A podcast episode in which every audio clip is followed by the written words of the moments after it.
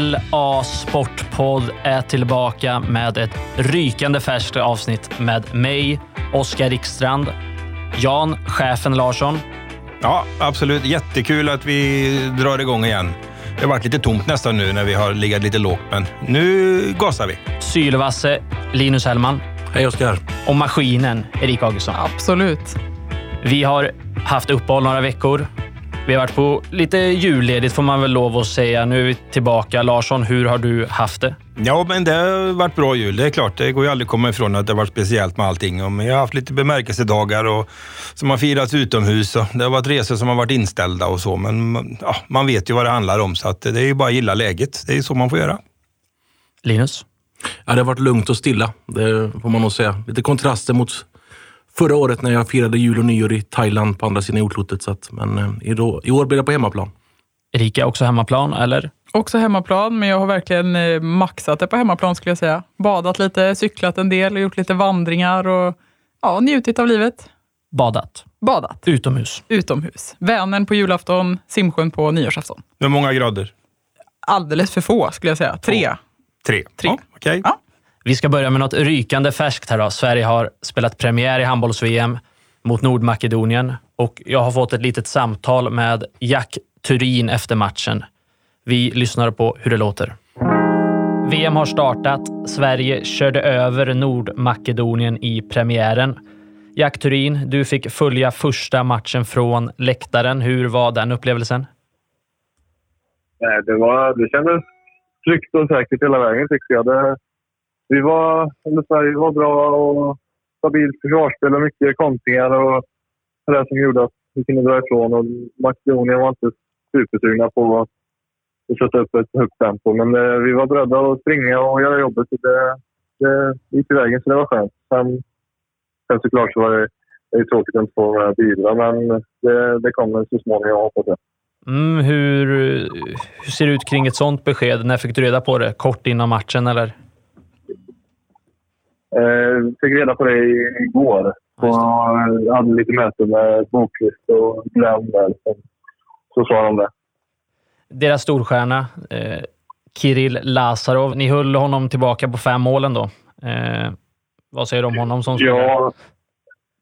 Ja, vi, pratade lite om honom innan och han är viktig för deras lag tillsammans med mittväxten är väldigt viktig. Så han, han är, så att han är gammal, gammal nu så håller han. Men vi fick bra träff på, på honom och han gjorde väl egentligen bara de flesta målen på straff. Så det var, det var bra försvar mot honom hela vägen tyckte jag.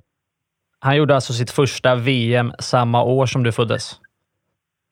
Ja, det, det säger det mesta. Han har, han har erfarenhet, det kan man säga. Ni kom till Egypten i tisdags. Hur har veckan varit än så länge? Nej, men det, det har varit, det har varit lite upp och ner, så lite ovetande om hur det, hur det ska gå och hur det blir med tester och hur det blir med corona här. Men vi har bara försökt att träna på och handboll och gymma lite sådär. Så det, det har funkat bra. Man får röra sig lite på hotellet. Vi har som en inneplan här med, med lite grejer som man kan sitta på sitta i solen och ta en kaffe om man vill och, och sådär. Så tiden går, så det, det funkar bra. Härnäst blir det Chile då på lördag. Vad har du för tankar inför den matchen? Svårt, att- svårt att säga. Vi har inte gått in så mycket på dem, men de fick ju stryk med ett, ganska mycket mål mot eh, Egypten. Och, men det, jag tror de gjorde en bra match här, hyfsat bra. Så det, det blir väl tufft, men vi får gå in lite mer på det. Jag hoppas, hoppas att man ska kunna vara med och få spela eller få chansen där. Vi, när vi får se hur det blir. Drygt 5 000 mil ifrån Kairo spelades det handboll under måndagen. Skövde HF var i Skara, tog en överraskande seger, får vi väl ändå säga. Linus Hellman, du såg den här matchen. Vad har du för intryck? Ja, överraskande var verkligen ordet. Ett eh, Skövde HF nästjumbo hade bara vunnit två matcher före den här matchen. Hade inte spelat på 53 dagar och hade inte vunnit sedan den 10 oktober. Ställdes mot ett Skara som hade spelat tre matcher under det här uppehållet. Pressat Skuru i två matcher, vunnit en av dem. Kom till spel, Skövde HF vann. Eh, det, mot bakgrund av de här parametrarna så det trodde jag inte var möjligt faktiskt. Larsson, blev du förvånad? Ja, absolut. Det var ju, det är ju det här modeuttrycket, det såg man inte komma. Det kan väl passa in här ganska bra tycker jag. Nej, men det var jättebra gjort av Skövde HF tjejerna och eh, framför allt då, det var ju mycket prat där i tv-sändningen också om man skulle orka och så vidare och det är en del synpunkter på det. Men eh, det var jag inte speciellt orolig för, men däremot är det ändå starkt gjort att man har ju ändå inte spelat på så länge och de andra kommer ju från riktigt bra matcher. Alltså matchtempo, det är ju det är svårt att få på träning, men de klarar ju av det bra och de spelar ju i ganska högt tempo, ibland lite för högt för sig själva, men det gick ju vägen. Mycket bra gjort. Erika, när kände du att det här kanske Skövde HF kan vinna ändå? Ja, det är en bra fråga. Alltså det, det var nog inte för den sista minuten. Där. Det vet jag att eh, Rasmus Paulsen sa också, där, att han inte trodde på det riktigt för den slutsekunderna. Men eh, det är klart att de hängde ju med hela vägen liksom, och det, det båda är gott såklart. Samtidigt så jag såg Skaras match mot Skuru den tidigare, där när de besegrade Skuru på bortaplan som första laget i SOE. Och då gjorde Skara det riktigt bra och då var det väl inte riktigt väntat att Skövde skulle komma och vinna i Skara här, men det ja, var kul att de höll ihop det. Det var alldeles uppenbart hur mycket det betydde för dem också. Jag var på plats och efter slutsignalen så var det väldigt uppenbart. Ilda Kepic och Nicolin Lundgren kramade om varandra och skrek rakt ut. Rasmus Poulsen sträckte händerna mot skyn bara. Fanny Elofsson föll nästan ut i tårar och eh, det var otroliga glädjescener. Även fast det bara var en seriematch så förstår man hur mycket det här betyder för laget som haft det väldigt tungt. Det måste ja. synts genom tv-rutan också. Ja, det gjorde det verkligen. Det var ju som de hade vunnit serien då. Men det är klart, som sagt med den bakgrunden och hur det har sett ut så kan man förstå det. Och det är mycket prestige och i de här matcherna mot Skara också. Va? Så att det här tror jag betyder väldigt, väldigt mycket för det här uh, förhållandevis unga laget som de ändå har fortsatt. Så att, uh, nej, jag hoppas det kanske var en liten... De fick väl en boost på självförtroendet i alla fall. Så att, och det lär ju behövas. För det blir ju en tuff vår ändå för dem naturligtvis.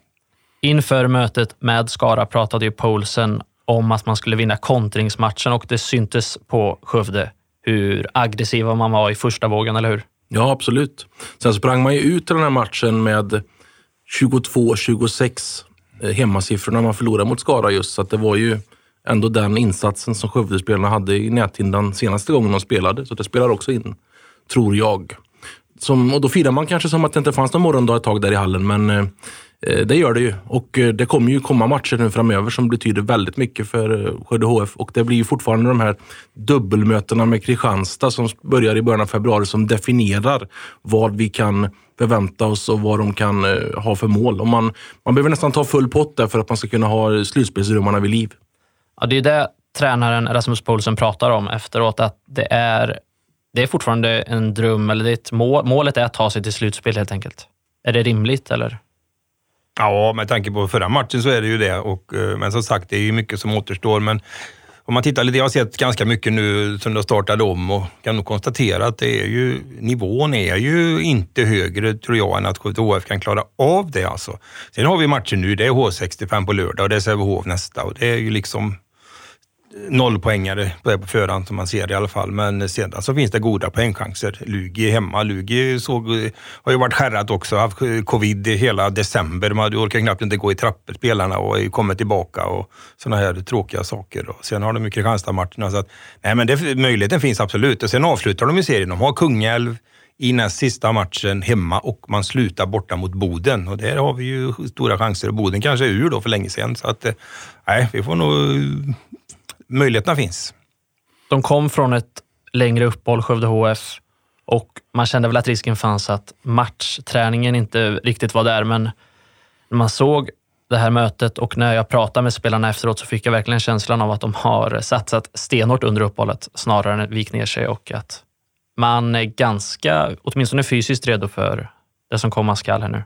Ja, och sen den här matchen mot Skara då, det blev väl ännu mer, desto längre den levde, det var ju jämnt ända in i, ja, hela vägen. Om man rekapitulerade så var det väl eh, lika läge med tio minuter kvar. Och det är där som Skövde HF eh, spelar sina kort bäst och vinner. Mm. Men det ändå återkommer till det, liksom. det är ändå väldigt bra, även om man tränar hur mycket bra som helst. Och, alltså det är ju en sak att, att träna, en sak att spela match. Och jag är mest imponerad av att man klarar av att spela i ett matchtempo direkt du kanske kommer in på hockeyn, ser man Skövde IK som kanske inte hade tempot i kroppen när de mötte Vimmerby. Det var 0-2 direkt och sen gjorde man bättre ifrån sig. Så att det där är ju ofta så att, eh, det tycker jag var fantastiskt, både överraskande och bra gjort. Jag kände ganska tidigt att det skulle kunna ske en skräll. När jag stod nere på planen och fotograferade såg jag Skövde HF, jag tror de kvitterade till 3-3.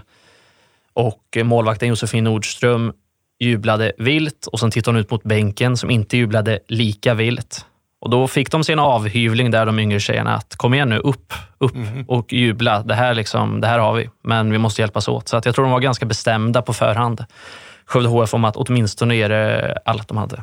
På så sätt kanske det var bra att börja mot Skara efter uppehållet också. Lite extra tändvätska direkt och verkligen vilja, vilja vinna liksom en match direkt. Så. så att... Och så kommer Skara till spel i en sån match med eh, allt att vinna istället. Eller alltså man, man är favoriter efter att ha varit underdogs mot Skuru. Det blir en helt annan match än de tidigare två matcherna man hade vid Skara. Precis. Psykologi, som det kallas. Det är viktigt i idrott, det vet vi. Nu ska Skövde HF följa upp det här med eh, de svåraste fem möjliga motståndarna.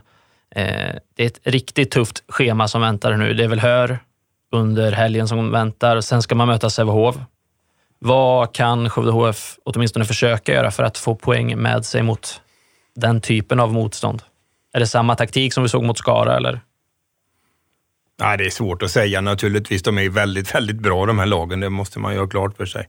Så är det ju. Sävehof är ju riktigt bra. Jag såg deras match mot Kungälv. Liksom. De gick ut och bara tryckte gasen i botten. Liksom. Det är väldigt få tekniska fel och man måste ha varje spelare måste absolut spela på sin absolut yttersta nivå för att ha en möjlighet. Och vi kan ju återkomma till Skaras seger mot Skuru.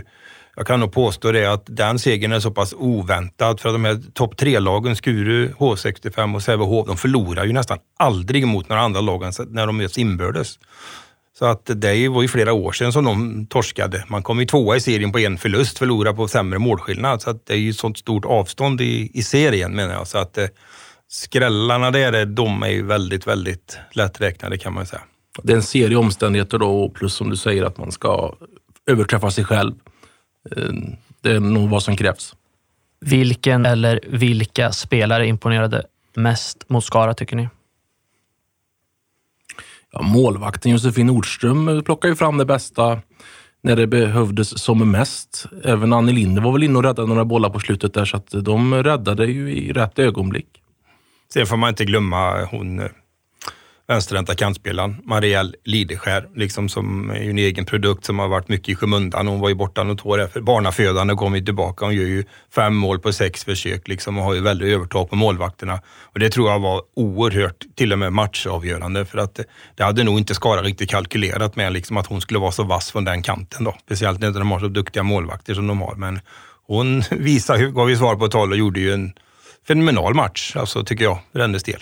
Ett annat ögonblick också i slutskedet när eh, Skara chansar eller ändrar försvarsspel går ut med mer offensiv 5-1 så gör ju individuella prestation av Elmer Örtemark tror jag viktigt mål där i ett läge som gör att eh, Skövde är i förarsätet.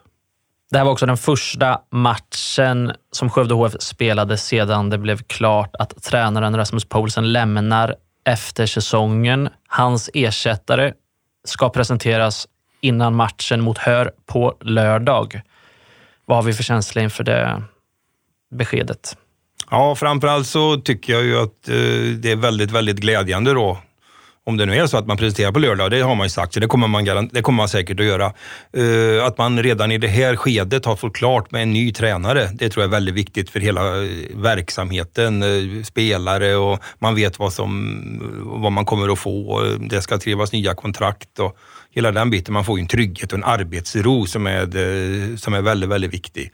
Och sen vem det blir i slutändan, det kan man ju bara hoppas på att man, man har den kunskapen i föreningen, att man förstår då att eh, man måste ha en spelare eller en, en, tränare som kliver vidare på den väg som Rasmus Paulsen har stakat ut. Det bygger ju på egna unga lovande spelare tillsammans med några rutinerade äldre. Då, företrädesvis danskar har man ju haft nu och det är ju meningen att man ska bli ännu mer självförsörjande på spelare. Så att, eh, det, det, är väl det, den vägen har man ju slagit in på och den kan man ju inte ändra på med tanke på att man har ju nästan gjort sig av med andra spelare tidigare nu då. Så att, eh, det är väl där man befinner sig. Sen får vi se vem som tränar laget. Det återstår att se. Det, vi, det kommer ju officiellt på lördag.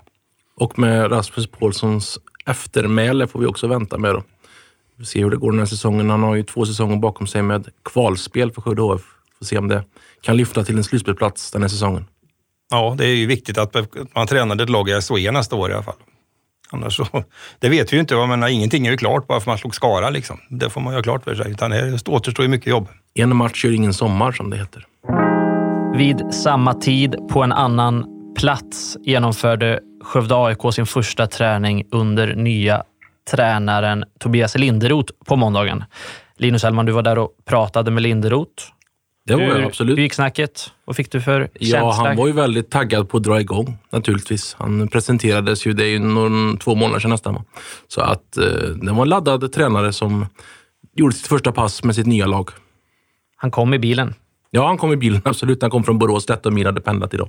Vi fick ju, eller jag fick följa träningen lite senare under kvällen. Det öste ner regnet, men det var ett par nyförvärv på plats. Bland annat en trion som presenterades häromveckan med anfallaren Teddy Bergqvist, mittfältaren Daniel Ask och försvararen Gabriel Valentin. Fokus låg väl framför allt på eh, att komma igång fysiskt här på första, under första passet, men nu fick man åtminstone ett ansikte på de här namnen och eh, det ska väl bli spännande att se vad nyförvärven kan tillföra. Eller? Ja, också av dina bilder att döma så verkar de ju väldigt glada över att vara på plats. Ja, det var leenden eh, överallt. Larsson, hur reagerade du på den här nyheten som kom att man värvade den här trion? Den presenterades ju på samma dag så att det är lätt att eh, klumpa ihop dem. Ask, Valentin, Teddy Bergqvist. Nej, men intressant i det måttet tycker jag att man eh, på något vis så känns det ju då som man verkligen försöker göra någonting utanför eh, ramen då istället för att det här plockandet fram och tillbaka mellan spelare kanske i Skövde och sådär. Så att här kommer det med något, något helt annorlunda. Och eh, kvalitetsspelare är välskolade naturligtvis, som då Linderoth säkert haft koll på. finns väl con- connections både med Halmstad och de här klubbarna som de kommer ifrån. Så att det, jag tycker att man gör en, en eh, det är ju en frisk eh, su- s- eh, satsning liksom. Och kan man då ha det tillsammans med de här andra yngre spelarna och de egna spelarna så tror jag det kan bli jättebra. Men jag tycker, jag tycker det är bra att man vågar ta steget då. Så är det. Det är ju ändå ett vågspel, det går ju aldrig att komma ifrån. Truppbygget är väl i stort sett klart nu. Eh, Jag vet att du pratade med klubb och sportchefen Per Ostermo, Linus. Ja, och enligt honom är det någon eh, en till två spelare till som kan tillkomma. Men då pratar vi inte om några externa spelare, utan då är det kontraktsförlängningar eller uppflyttningar ur egna led. Ja, de frågetecknen som finns kvar att räta ut är åtminstone då, eh, viktiga mittfältaren Mikael Mörk, William Granat, ytter får vi väl kalla honom, och eh, försvararen Hannes Fritzson. Där får vi väl se vad som händer, men hur ser du på truppen som börjar ta formen nu? Ser det starkt ut? Ja, jag tycker det ser spännande ut. Ett vanligt ord man använder, men det, det, det, man gör ju en liten nysatsning med de här namnen som kommer in och behåller en del. Så det är ju blandat så. Sen så det blir spännande att se då nu under eh, försäsongen. Då man ska ju börja träningsspela i februari. Då. Sen, eh, man, har ju en, man har ju ett program då, men man vet ju inte om det går att spela mot alla de här lagen eftersom det finns restriktioner under corona och de här lagen man ska möta ligger ju längre ner än ettan och de får ju inte träna då på samma sätt som Skövde AIK. Men just nu är ju första matchen planerad i början av februari mot IFK Skövde. Mm. Det beror ju på att Skövde har ju stängt igen sina anläggningar. Så att det är bara Skövde AIK som sysslar med någon slags yrkesmässig verksamhet som det heter, som får träna. Så att eh, de här spelarna som gick från, det var ju som jag pratade med Per Larsson, klubbchefen i IFK Skövde där. Lite sådär, han sa ju så här att ja, det är ju de som har gått från oss till Skövde AIK, de får träna, men de som har gått från Skövde AIK till oss får ju inte träna.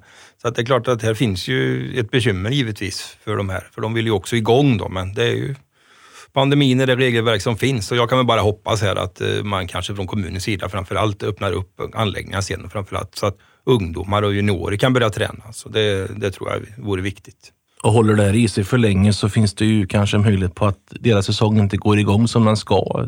Eller som planerat eh, framåt april då, om, om man inte har kunnat träna ordentligt. Nej, man har ett jätteproblem tror jag här, och fotboll och det kan vi räkna in handboll och ishockey också.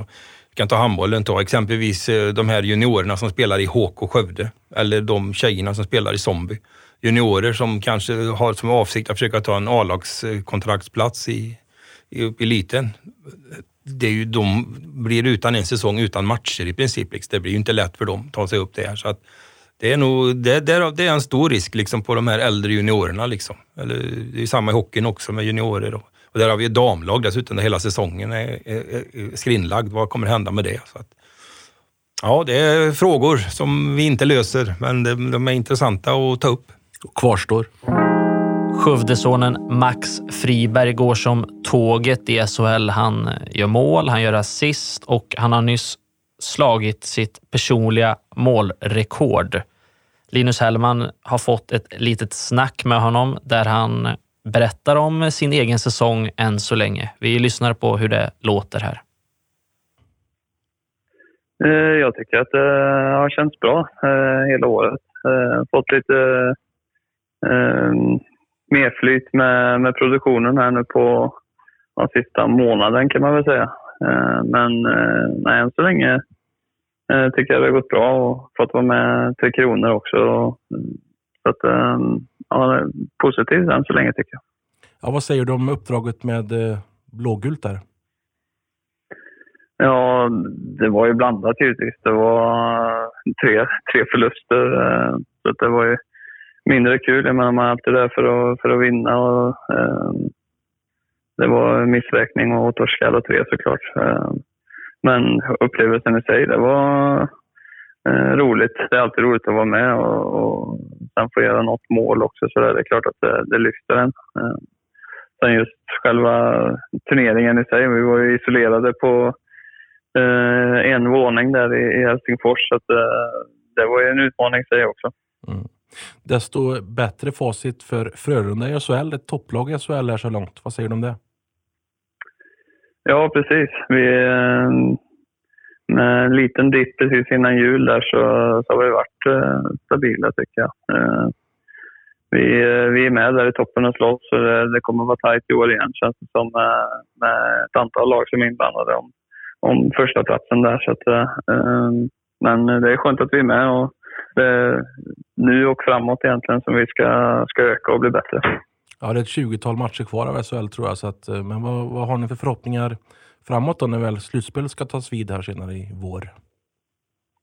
Uh, ja, exakt. Uh, nej, det, det, säger vi alltid att uh, det är en process under, under grundserien också. Att, Ehm, bygga upp ett spel och, och, och form till, eh, till slutspelet helt klart. Sen eh, vill vi gärna stå som, som ettan i grundserien klart också, men just då eh, vara stabila i, i vårt spel och eh, vara redo för ett slutspel när det är igång. Det är prio Max Friberg och Frölunda är fokuserade inför den andra halvan av SHL.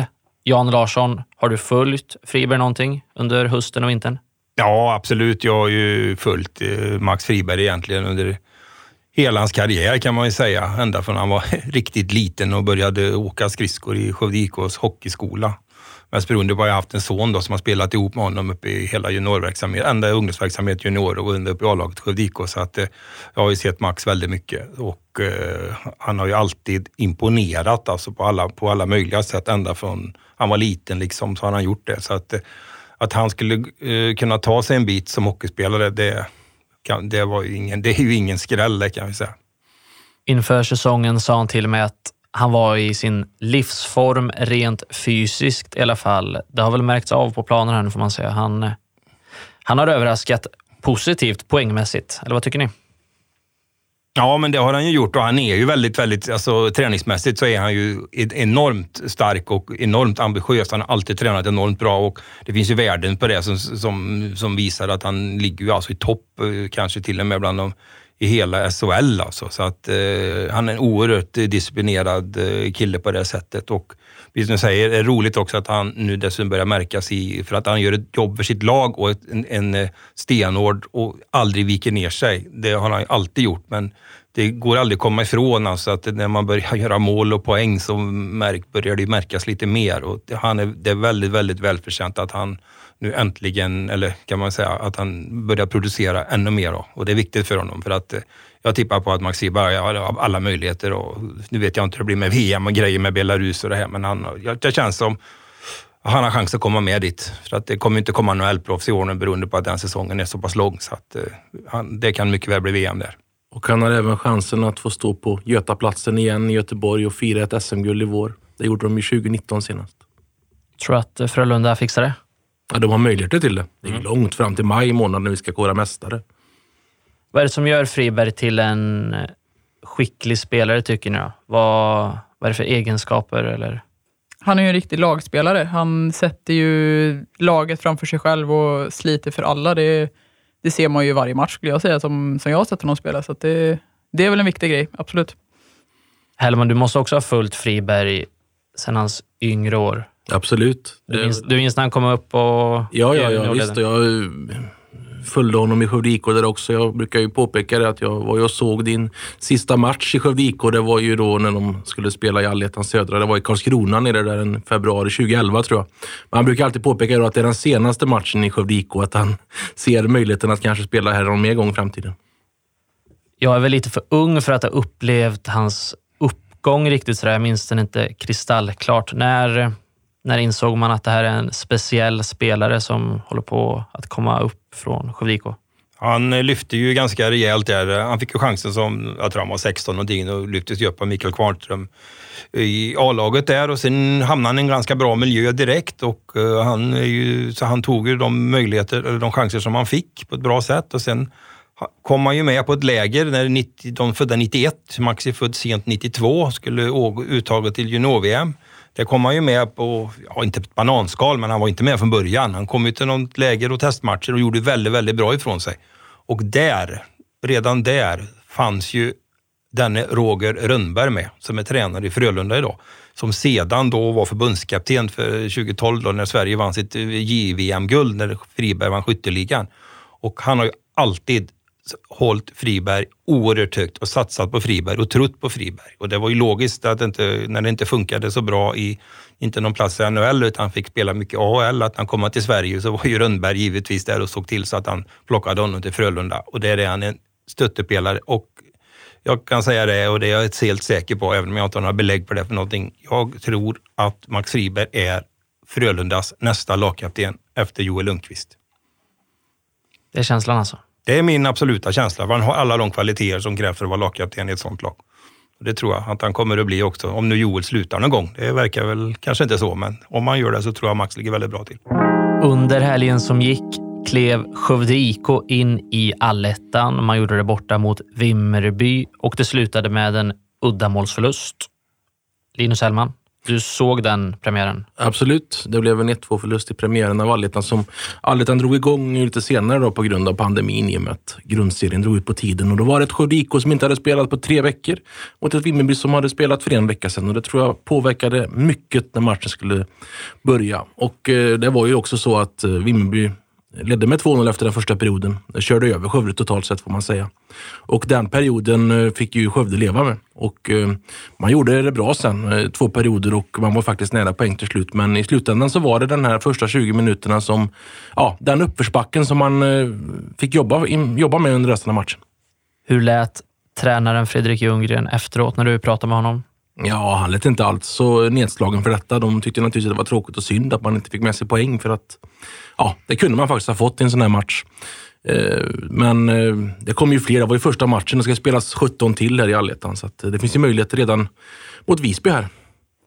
Erika, jag vet att du pratade med forwarden Dennis Santesson inför premiären och han sa att det finns mer att krama ur från det här laget, va? Ja, precis. Jag, han sa precis som flera andra spelare i Skövde IK som jag pratat med under säsongen här, som de är inte riktigt nöjda med det de har gjort hittills och det finns fler växlar och mer kapacitet. Och Dennis Andersson sa att det finns mer i sparkapitalet att, att hämta av nu i allettan och det är väl nu man ska ta fram det. Så att det, kanske, det kanske är bra att det har saknats lite under grundserien här, att man kan ta fram det nu. Sådär. Men det är klart att det är surt att börja med en eh, förlust, så är det ju. Men det är kanske också tändvätska för det som fortsätter nu. Ja, precis. Två matcher i helgen, Visby-Roma och Huddinge. Vad är ni Skövde för chanser i de matcherna? Mm. Ja, det är två helt nya lag som kommer från andra serier så att eh, det är svårt att värdera det där. Jag tycker ju att den, eh, ja, de södra serierna har ju ofta varit starkare än eh, den västra. Samma kanske på de bästa lagen i den här östra serien så att eh, det blir en utmaning tror jag. Sen är det derby på onsdag mot Mariestad i Billingehov. Just det. Påminna om det. Så att det, eh, det är väl en grej också nu i den här eh, serien, som där seriepremiären blev framflyttad, att det är ju matcher i stort sett eh, var och varannan dag. Va? Mm. För att serien slutar väl som, ungefär som vanligt i februari. om jag kommer ihåg rätt. Tredje mars tror jag, sista se seriematchen. Till och med det, ja. De har flyttat fram någon vecka till, va? för playoffet brukar väl gå in där. Ja, just det. Men det är väldigt tätt schema ja. och det ska bli spännande att se också nu med tanke på utbrott av den här covid-19 och så, hur det blir. För det finns ju tufft att flytta matcher fram och tillbaka. Alltså. Så att, det blir svårt att flytta in matcher mellan de matcherna som ligger nu, så att det, det kommer att bli en utmaning, helt klart. Vi har pratat upp den här allettan en del i podden. Nu är den här. Vad, hur tror vi att det kommer gå nu? Förlust i första matchen. Visby-Roma på fredag, Larsson. Ja, Studsar man tillbaka, studsar ja, man tillbaka. Ja, men, Vin, vinner Skövde IK? Ja, som det ser ut nu så är det, det är ju så, det är en hemmamatch som man ska vinna naturligtvis. Så är det ju. Eh, Visby torskade i premiären mot Dalen med 1-6. Jag pratade lite med Fredrik Ljunggren här och han hade ju sett den matchen i efterhand och tyckte väl ändå att, Dal, eller att Visby var lite bättre än vad siffrorna visar, men de släppte tre mål i boxplay första perioden, så 0-4 efter första. Så att, eh, och Dalen är bra å andra sidan, så att de slog ju Troja här i omgång två. Så att, eh, nej, men det, är en match. Ska man vara med nu och slåss uppåt sträckorna här, så, då, då Visby hemma, det måste man vinna. Sen kommer Huddinge, inte lika stjärntätt som jag förstår ett något föryngrat Huddinge som vann serien ändå. Där lär Skövde inte vara favoriter. Nej, grym powerplay lär de ha tydligen. Eh, sa ju Fredrik också. Skövde hade ju ett bra powerplay med för 35 procent gjorde mål på, men Huddinge låg i östra serien på en bit över 40 tydligen. Så att det gäller väl att hålla sig på isen då och inte bli utvisad. Och nästa onsdag alltså derby mot Mariestad Boys. Tyvärr inför tomma läktare. Men ett derby är ett derby. Vad, har vi någon tidig känsla inför den matchen? Det är alltid, derby är alltid derby som du säger. Mm. Jag tror att båda lagen kommer såklart vara taggade på att eh, vinna. Det såg vi, ja, det räcker ju att kolla på Skövde-Skara på handbollen där. Liksom. Det blir extra att möta lokalrivalerna. Så. Sen saknas ju publiken och det saknas ju extra mycket när det är derby. Jag har varit nere och ja, jag såg derbyt i grundserien i Billingehov. Det var väldigt dött om man ska vara ärlig, både på, på läktaren förstås, men även på isen. Så det, det saknas ju lite sådär, men vi får hoppas att de kan tända till i alla fall och att det blir lite extra av det.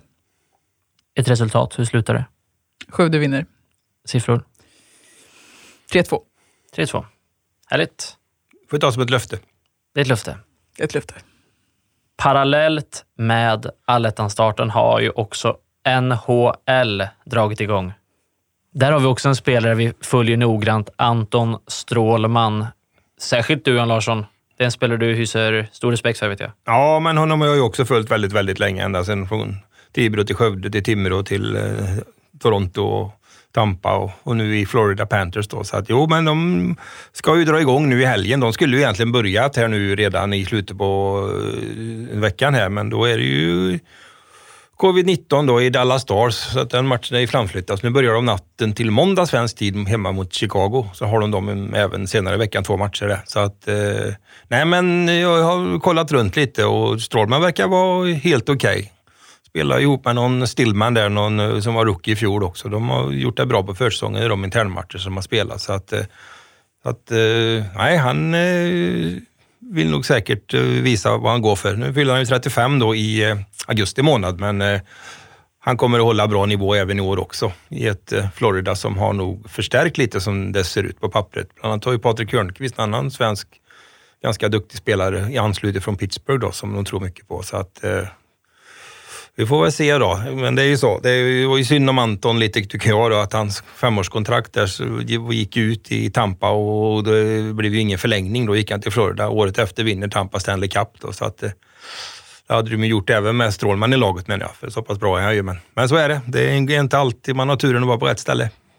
I Florida är det nog inte lika hemskt utomhus som vi har det här. 24 grader och sol läser jag att det ska bli helgen. Har ni varit där och sett Antonen i Florida? Nej? Ja, både jag och ja, absolut. Linus har ju varit där. Ja. ja. i Tampa. När han var i Tampa. Mm. Hur var den upplevelsen då? Ja, det var en fantastisk upplevelse i Emily Arena. Vi var där och såg eh, två stycken eh, Stanley Cup-matcher. Det var åttondelsfinaler mot New Jersey Devils som spelades inför fulla läktare, drygt 20 000 åskådare. Så att, eh, och eh, Tampa vann matcherna dessutom, så det gjorde inte saken sämre. Nej, det är ju lite coolt att uh, ta på sig shortsen och gå på hockey. Liksom. Det är man ju inte van vid här direkt. Erika, har du varit i Tampa? Inte, Mo- var, inte, motorsport? inte varit i Tampa, inte än. Jag har varit i Kalifornien ett gäng gånger och varit på motorsport, lite supercross och sådär. Men I Kalifornien? i Kalifornien, Hur mår motorsporten där den var fint. Den var jättebra. Vad har de för stjärnor?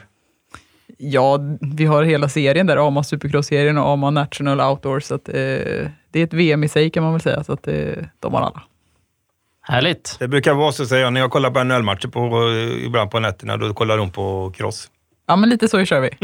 Det är bra, vi är breda. Så är det. Medan vi är i Staterna, Linus, vad är det som händer där borta politiskt? Ja, det är ju något helt oerhört som inträffar i Washington förra veckan när man stormade kongressbyggnaden. Det är sånt man ser kanske i mindre utvecklade länder, men absolut inte i USA, menar, västvärlden eller världens mäktigaste demokrati. Så att eh, det ska bli spännande nu att följa nästa veckas installation här när Joe Biden ska tillträda som ny president, USAs 46 president. En liten smak på SLA Politikpodd fick vi där.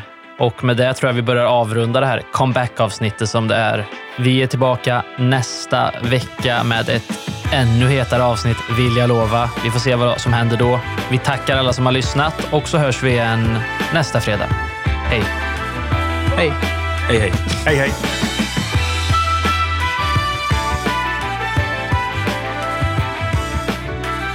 Den här podden spelades in i poddrummet hos Rikstrand och Company i Skövde.